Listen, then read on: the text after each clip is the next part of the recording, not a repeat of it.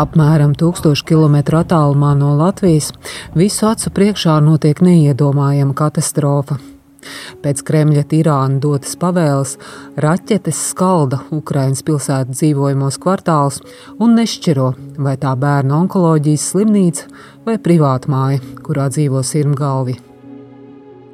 Ēku vietā paliek milzu bedres, uz ielām izkaisīti cilvēku līķi. Paklausoties Krievijas prezidenta uzrunu, es sapratu, ka mūs grib vienkārši iznīcināt, kā tas notika arī citos gados. Es vairs nevaru.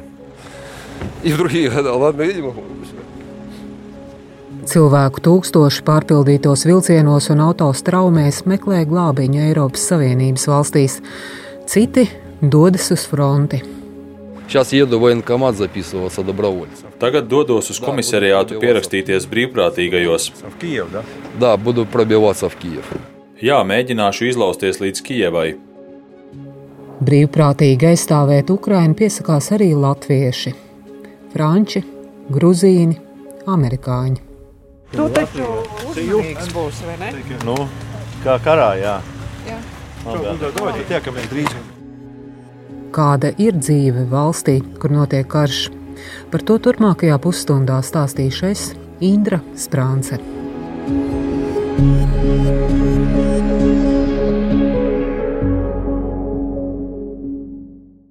Pirmā daļa - kara bēgļi.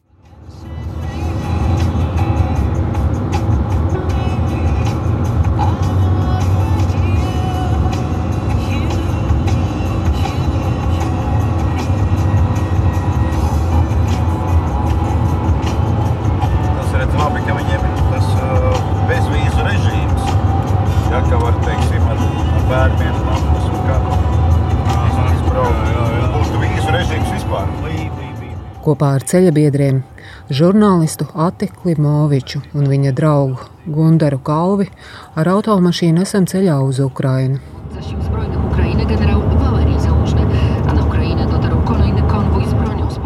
Ir kara ceturtā diena.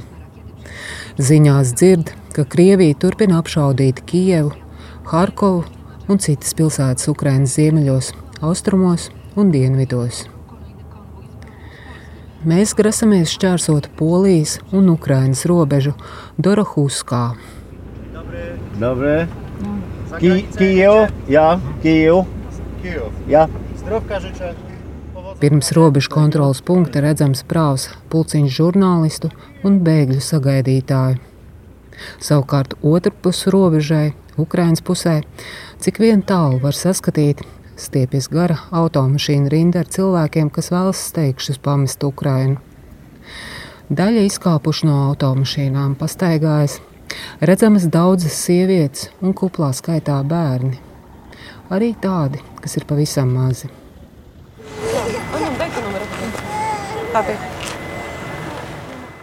Cilvēki nav īpaši runīgi, izskatās pamatīgi noguruši. Nu, to vīnaida. Vīnaida. Bēgam no kara. Jau taisāmies doties dziļāk iekšā Ukrajinā, kad pie mums piesteidzas jauns vīrietis. Stādās priekšā kā Vitālijas malda no Kijavas un lūdz, lai kāds palīdz vienā šaurā robežu pārējais posmā uz tilta iestrēgušiem cilvēkiem. Люди уже всю ночь сидят в автобусе, у них нету ни воды, ни еды. Tur cilvēki jau visu nakti sēž autobusā. Viņiem nav ne ūdens, ne ēdiena. Viņi stāv uz tilta, tur jau ir pilnīga histērija. Bērni raud, uz toaleti nelaiž ārā. Varbūt ir iespējama kaut kāda saziņa ar cilvēkiem, kas šeit sniedz humanitāro palīdzību. Pats Vitālijs atbraucis ar citu auto, mēģinājis tikt klāt autobusam, taču klāt nav laists. Vīrietis stāsta, Tiklīdz saņemšot ziņu no radiniekiem otrpus robežas, ka sieva un bērni ir drošās rokās, mēģinās atgriezties Kijevā. Tagad dodos uz komisariātu pierakstīties brīvprātīgajos. Jā, mēģināšu izlausties līdz Kijevai. Izlausties. Tas ir precīzākais apzīmējums, ar kādu šobrīd var raksturot pārvietošanos Ukraiņas iekšienē. Pie katras, pat nelielākās apdzīvotās vietas, uz ceļiem tiek veidotas šķēršļu joslas. Tas ļoti līdzinās mūsu barikāžu laikā redzētajam. Uz ceļiem sakrauti betona bloķi, milzīgas sienas no riepām un smilšu maisiem, daudziet arī tanku eži un ķēdes ar dzelkšņiem. Pie šiem posteņiem atrodas bruņot vīri, kas rūpīgi pārbauda katru caurbraucēju. Posteņus rotā Ukraiņas karoks. Dažviet līdztekus valsts karogam plīvo arī tumši sarkani melns Ukraiņu nacionālistu karoks. Vietām uz betona klučiem uzšņāpti Krievijas prezidentam Vladimiram Putinam veltīti rupji apzīmējumi. Желаю, чтобы этой, этой скотине, извините за выражение, да, этой мрази, Es novēlu tam lopam, es atvainojos par izteicienu, lai katrs cilvēks pasaulē, kur viņš ir nogalinājis ar dažādu veidu ieročiem, lai viņi neļautu viņam gulēt, lai katru dienu un nakti viņa nāktu pie viņa murgos un lai viņš tos nepārdzīvotu. Asus vārdus Putinam dzirdam arī vietējā radiostacijā, kuru klausāmies pa ceļam uz Ukrainas rietumu pilsētu Lvivu. Bet kādā apdzīvotā vietā, autobusu pieturā, reisu nosaukuma vietā, sarkaniem burtiem mirgo plašu starptautisku atpazīstamību iegūsī Ukrainas čūskas salas aizstāvju atbilde Krievijas karakuģim, kad tas aicināja salas aizstāvjus padoties. Frāze ir rupja, to neatkārtošu. Pirmo dienu Ukrainā noslēdzam Ļuvivā.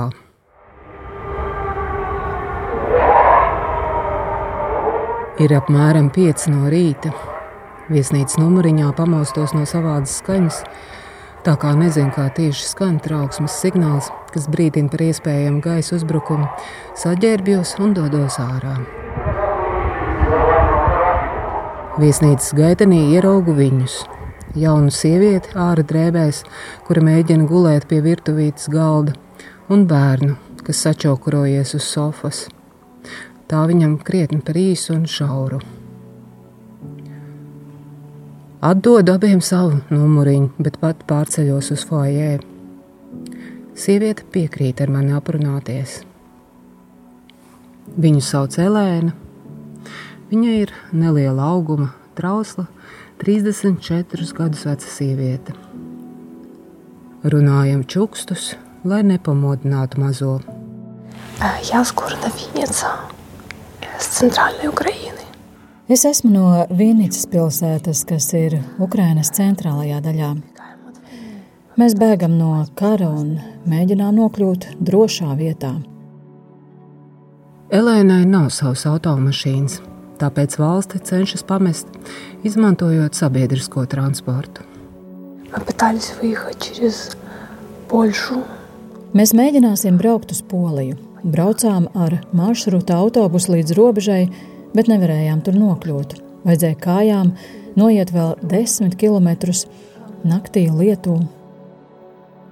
Abi ar dēlu nogājuši kādu kilometru, bet sapratuši, ka šādā veidā tālu netiks sagaidījuši autobusu, kas dodas atpakaļ uz Lvivu un naktī nonākuši pilsētā.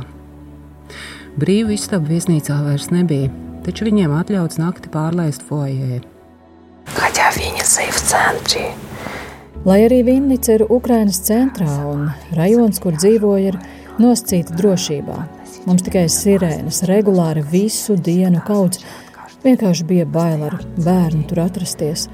Mēs gribam pārcelties uz drošu vidi, uz Poliju vai jebkuru citu valsti, kurai ir robeža ar Ukrajinu. Bēgšanas plāns radies pēkšņi. Sākotnēji nesot ticējuši, ka varētu būt tik nopietnas Krievijas uzbrukums pret visu valsti. Ukraina ir ierauta kara darbībā jau kopš 2014. gada, tomēr līdz pēdējiem nespējuši noticēt, ka iespējams arī kas tāds. Mēs gribam būt просто единым народом.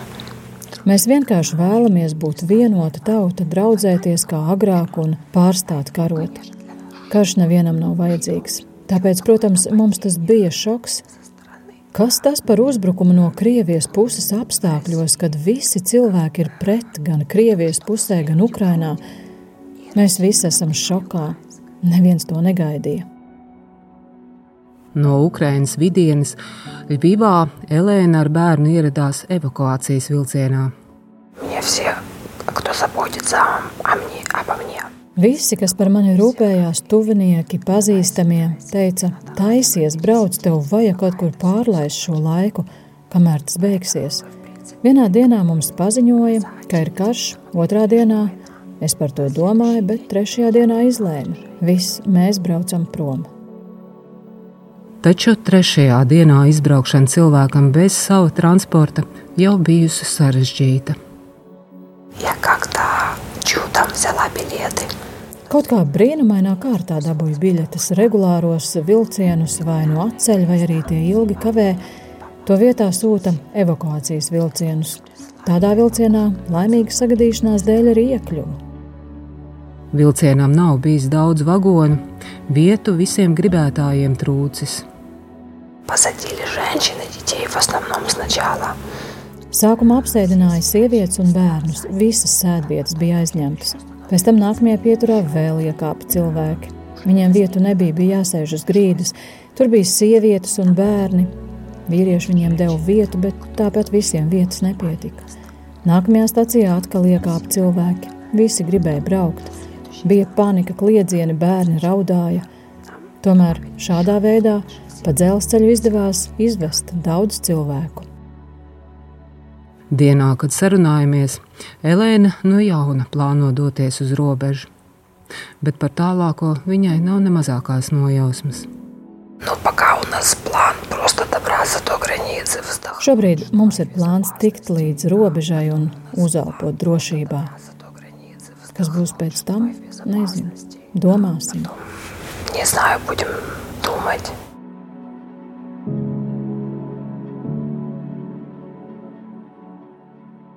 Ar evakuācijas vilcienu līdz Ļubībai ticis arī francūzis Viviens Makārio ar ģimeni. Vivienam ir 28 gadi.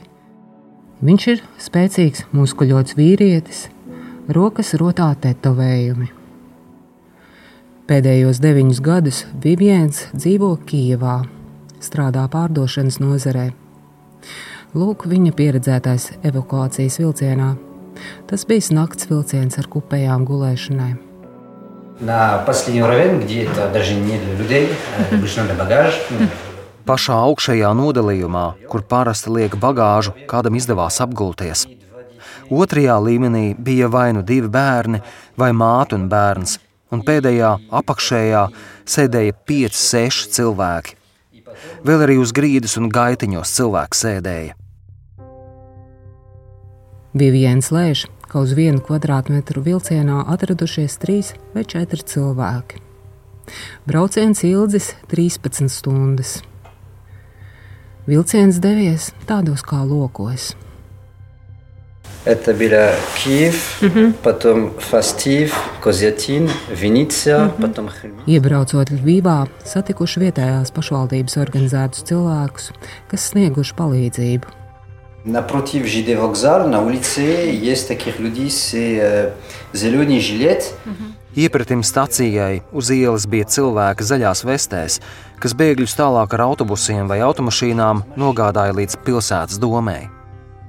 Atbraucējiem bija jāizpild īpašs veidlaps, jānorāda arī bankas konta dati. Bija viens spriež, ka tie domāti kādiem pavalstiem. Pēc tam cilvēki izguldīti skolās un citviet. Bija viens devies uz viesnīcu, kur arī es viņu satiku. Tālāk plāns doties tuvāk robežai. Я нашел э, три часа назад билет поезд от Львов до э, Pirms trīs stundām atradu vilciena biļetes no Ļuvijas uz Užhorodu. Plāns ir tāds: rīt no rīta dodamies ar šo vilcienu, būsim tur ap pusdiviem dienā. Tālāk vai nu dosimies kājām, vai arī atradīsim kādu autobusu vai citu vilcienu. Užhoroda ir pilsēta Ukraiņas galējos rietumos, aizkarpata apgabalā. Tā atrodas pavisam tuvu robežai ar Slovākiju. Tālākais plāns ir tikt līdz jebkurai tuvākajai pilsētai, kur ir lidosta. Я заселю синий его мать э, в самолет до Франции. Es iesēdināšu dēlu un viņa māti lidmašīnā uz Franciju, pats atpakaļ uz Kijevu. И что там? Ko tur? В Киев воевать. Karot. Почему? Kāpēc? А Это мой город. Tā ir mana pilsēta. Kijevu viņš sauc par savu pilsētu, kur pavadījis trešdaļu mūža. Pieredzes karošanā nav. Опыт э, в войне никакой. Pieredzes man nav nekādas, izņemot lielu vēlmi aizstāvēt, var teikt, kā gandrīz savu valsti. Viviens rūpīgi seko līdzi jaunākajām ziņām un ļoti mierīgi, pat visai pragmatiski skatās arī uz nu pat klajā nākušo informāciju, ka Putins pieļauj atombumbas izmantošanu. Это небольшое, это будет как очень маленький Гирошима. Tā nebūs liela, kā ļoti maza Hirosima, bet jautājums, kur un kad. Atomieroču izmantošanas iespējamība, viņa prāt, ir 50 pret 50. Сейчас проблема это эго. Tagad problēma ir Putina ego. Nu, paskatīsimies. Ну, и так посмотрим. Otrā daļa - ārvalstu brīvprātīgie karotāji.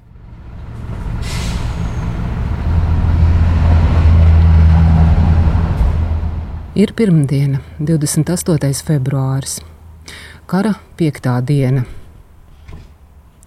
Kijevu un vēl vairākas citas pilsētas mēģina ieņemt okupantu karaspēks, taču skaidrs, ka Putina iecerētais zibenskarš ir izgāzies. Ukraiņi izrāda apbrīnojumu pretestību. Krievu tanki tiek purvos un tiek pamest novārtā uz lielceļiem, jo trūks degvielas.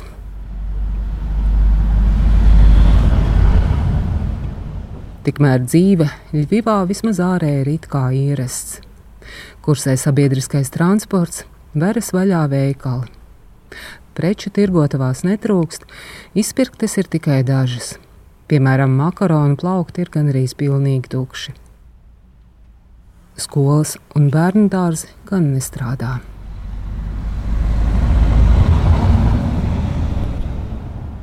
Uz ielas man garām pabrauc divi bruņu transporta līdzekļi.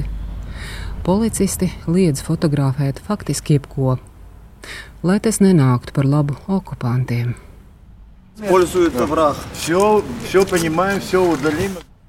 Ukrāņu bažas saprotam un piekrītam fotografijas izdzēst.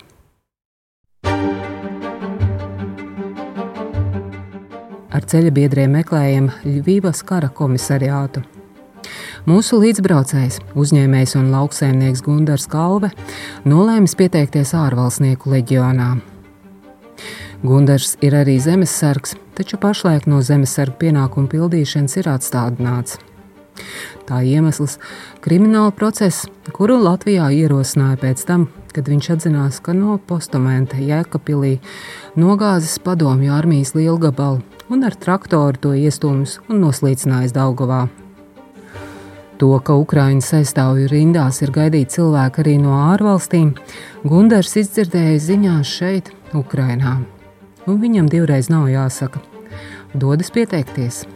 Tāpēc es uzskatu, ka visa Ukrāņu tauta cīnās šobrīd ne tikai par Ukrajinu, bet arī par visas Eiropas un varbūt arī pasaules brīvību.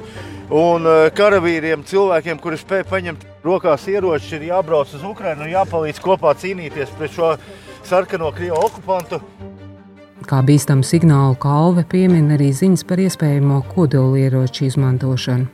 Kamēr Putins nebūs likvidēts un viņa armāda, tikmēr miera nebūs. Un es piedalos cīņā pret šo te pasaules mēri šī brīža. Saki, vai tev ir zināms, ko- kas tev būs jādara? un- Nē, to es vēl nezinu. Gunārs zina stāstīt, ka arī citi latvieši grasās doties tālāk Ukraiņas aizstāvjiem. Nu, ir tāda informācija, ka viena uh, grupa ir ceļā Polijā. Vieni gatavojas izbraukt no Latvijas. Skaitlis, ka mēs pagaidām nemākam teikt, bet tas, ka latvieši noteikti ieradīsies Ukrajinā pietiekami lielā skaitā, par to es esmu pārliecināts. Pie komisariāta satiekam divus jauniešus - Mahmudu no Taškentas un ASV pilsoni no Massachusettsas. Will Jones from America. Bilam ir 21 gads, un arī viņš vēlas palīdzēt Ukraiņiem cīņā pret Krieviju. I was always interested in joining the military, but Man vienmēr ir bijusi interese iestāties militārajā dienestā, un šis šķita ļoti labs iemesls iesaistīties palīdzības sniegšanā, tāpēc ierados. Pēc skata Vils ir iztīdzējis students un galīgi neizskatās pēc kaujinieka. Jautāju, vai viņam ir karavīra pieredze. Uz to Vils atbild, ka māca apieties ar ieročiem, taču līdz šim nav bijis iesaistīts nevienā militārā organizācijā. Te, Ļuvivā, tiek formēta ne tikai ārvalstnieku militārā vienība, bet aktīvi pašorganizējas arī vietējie pilsētas iedzīvotāji Ļuvivas aizstāvībai. Меня зовут Андрей Кучерявенко. Я сам с Львова. Mani sauc Andrejs Kučeravenko, esmu no Ļuvivas. Andrejam ir 52 gadi, viņš ir rezerves pulkvedis, un tādējādi viņam ir karošanai nepieciešamās zināšanas. Andrejs pašlaik ir ceļā uz štābu, lai saņemtu turpmākos norādījumus. Saskaņā ar likumu par teritoriālo aizsardzību organizēju teritoriālo aizsardzību Ļuvijas pilsētā. Andreja ģimene nav devusies bēgļu gaitās. arī sieva palikusi tepat. Jautāju, vai viņi nebaidās. А вы не боитесь? Ну, уже дальше бояться некуда. Tālāk jau vairs nav kur baidīties. Kādas ir sajūtas dzīvojot šeit, Ļuvivā? Andrejs saka, trauksmēnis, bet gribētos, lai vismaz šādā līmenī arī paliktu. Kā tieši pilsētas sargās, viņš neatklāja. Ну, для этого есть спе- специально, есть там инструкции. это самое. Tam ir speciālas instrukcijas, kā tam jābūt organizētam. Kā jums liekas, vai izdosies? Конечно, удастся. Protams, ka izdosies. Jautāju, kāpēc Ukraina ir iedzīta šajā briesmīgajā karā? Andrejs atbild šādi.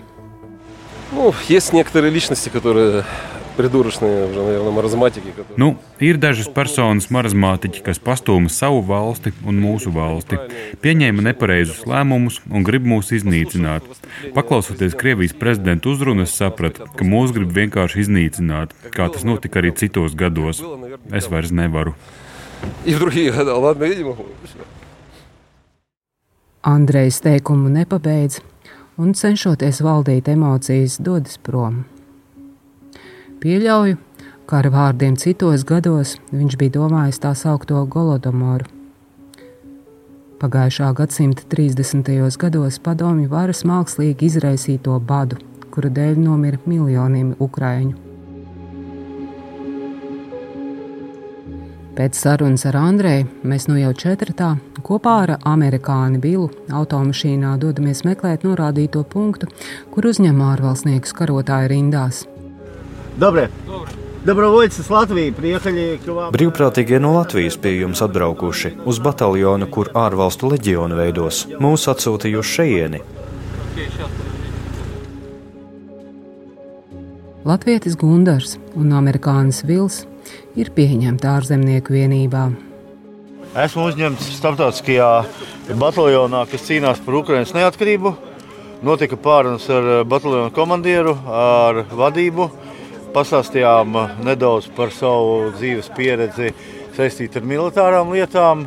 Esmu gana daudz, saka, bijis eh, gan speciāla uzdevuma vienībā, gan eh, arī ārštatā. Tā kā viņam apmierināja mana dzīves pieredze.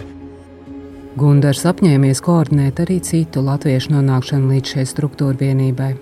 Ģimene ļauj tev doties šitā te? Tas ir smags jautājums. Es nosūtīju WhatsApp paziņojumu saviem tuvākajiem cilvēkiem. Protams, tas viņiem būs liels šoks, bet eh, visi ļoti labi zina, ka es tāds esmu bijis un es tāds arī palikšu. Tāpēc es ļoti ceru, ka eh, tiks pieņemts ar sapratni. Līdz ar Gundaru kalvi pie automašīnas pienākuši arī divi neliela auguma bārdaini karavīri. Gruzija. No Gruzijas. Nacionālais Grūzijas leģions. Jautāju, vai te ir daudz gruzīnu?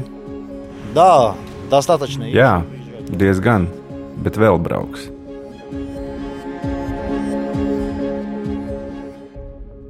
Atvadamies no Gundara kalves. Tu taču uzmanīgs būsi, vai ne? Nu, kā karā, jā. jā. Labi, turamies. Turamies. Par Latviju. Un prātīgi braucat, jā? Jā. Nākamajā rītā saņēmu ziņu no Gundara Kalvis. Viņš lūdz Latvijas uzņēmējus sagādāt lentes ar Latvijas atpazīstamības zīmi, ko varētu aplikt ap roku virs formas tērpa. Bet mēs ar Ati no Ļuvijas esam nolēmuši doties uz citu Ukrainas rietumu pilsētu, Lutsku, tuvāk uz Baltkrievijas pusi.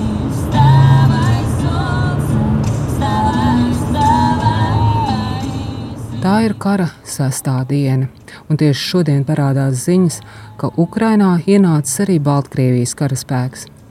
Tas gan robežu šķērsojas Černīhivas apgabalā, uz austrumiem no Kijavas. Добрый.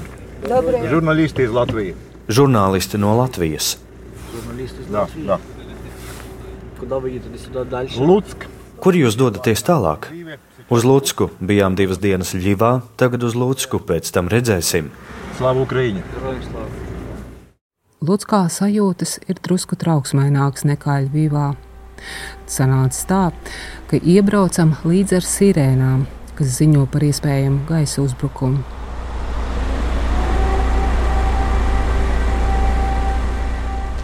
Lutskas militārā lidosta arī bija viena no pirmajām, uz kurām pagājušā nedēļā raidīja šāvienus. Pilsētā satiekam Ruslanu Telīpski. Viņš daudzus gadus bijis kontaktpersona tiem Latvijas iedzīvotājiem, kas sniedz atbalstu ģimenēm un bērniem, kuru tēvi krita 2014. gada karā. Mēs gatavojamies ir gan teritoriālā aizsardzība, štābi, rokamies zemē. Paldies Dievam, bija tikai militārās aviobāzes apšaude. Uzbrukums saliedējis citkārt sašķelto sabiedrību. Pirmo reizi bēdas apvienojušas politiķus, bagātos, nabagos, bibliotekārus un uzņēmējus. Visi grib kaut ko darīt, atdot visu, lai neietu bojā cilvēki. Daudzi gan no pilsētas evakuējas un Ruslans viņiem palīdz. Pirmkārt, es rūpējos par ģimenēm, kur nav tēvu, viņi gāja bojā karā. Bet tagad es viņus vedu prom. Viņi jau tā ir ļoti cietuši, ar traumētu psihi. Mēs savu iespēju robežās vedam prom šīs ģimenes, lai cilvēki nomierinās. Viņus labi uzņem Polijā, Vācijā, Dānijā, Spānijā un Francijā. Ruslans saka paldies, ka esam ieradušies Ukrajinā, lai nepastarpinātu sekot līdz kara notikumiem un par tiem ziņotu citiem, un lūdzu starptautiskās sabiedrības atbalstu. Mēs nesakām, ka mums viss ir ideāli, perfekti. Mums ir inflācija, politika, problēmas ar monopoliem, tiesām. Mums ir daudz problēmu, bet mums bija Maidans, notika pārmaiņas mēs arī esam pelnījuši būt daļiņa no kopējās Eiropas. Ruslāns aicina Eiropas valstis beidzot saprast, ar ko tām ir darīšana. Krievija neapstājās pēc Grūzijas, neapstājās pēc tam, kad pievāca Krimu, un tā absolūti neapstāsies pēc Ukrainas, ja neviens nepalīdzēs, jo Putins pārbauda reakciju. Jautāja viņa prognozes, ar ko Krievijas uzbrukums noslēgsies. Ruslāns nevilcinoties atbild. Ar mūsu uzvaru, jo tāda solidaritāte, kāda šobrīd ir ne tikai Ukrainā, ne tikai Lutskas pilsētā, bet arī visās valstīs, kur ir demokrātija, kur ir solidaritāte visā pasaulē. Во всех странах, где есть демократия, где есть солидаризация, по всей, по всем миру. Ой, прощай, дівчино,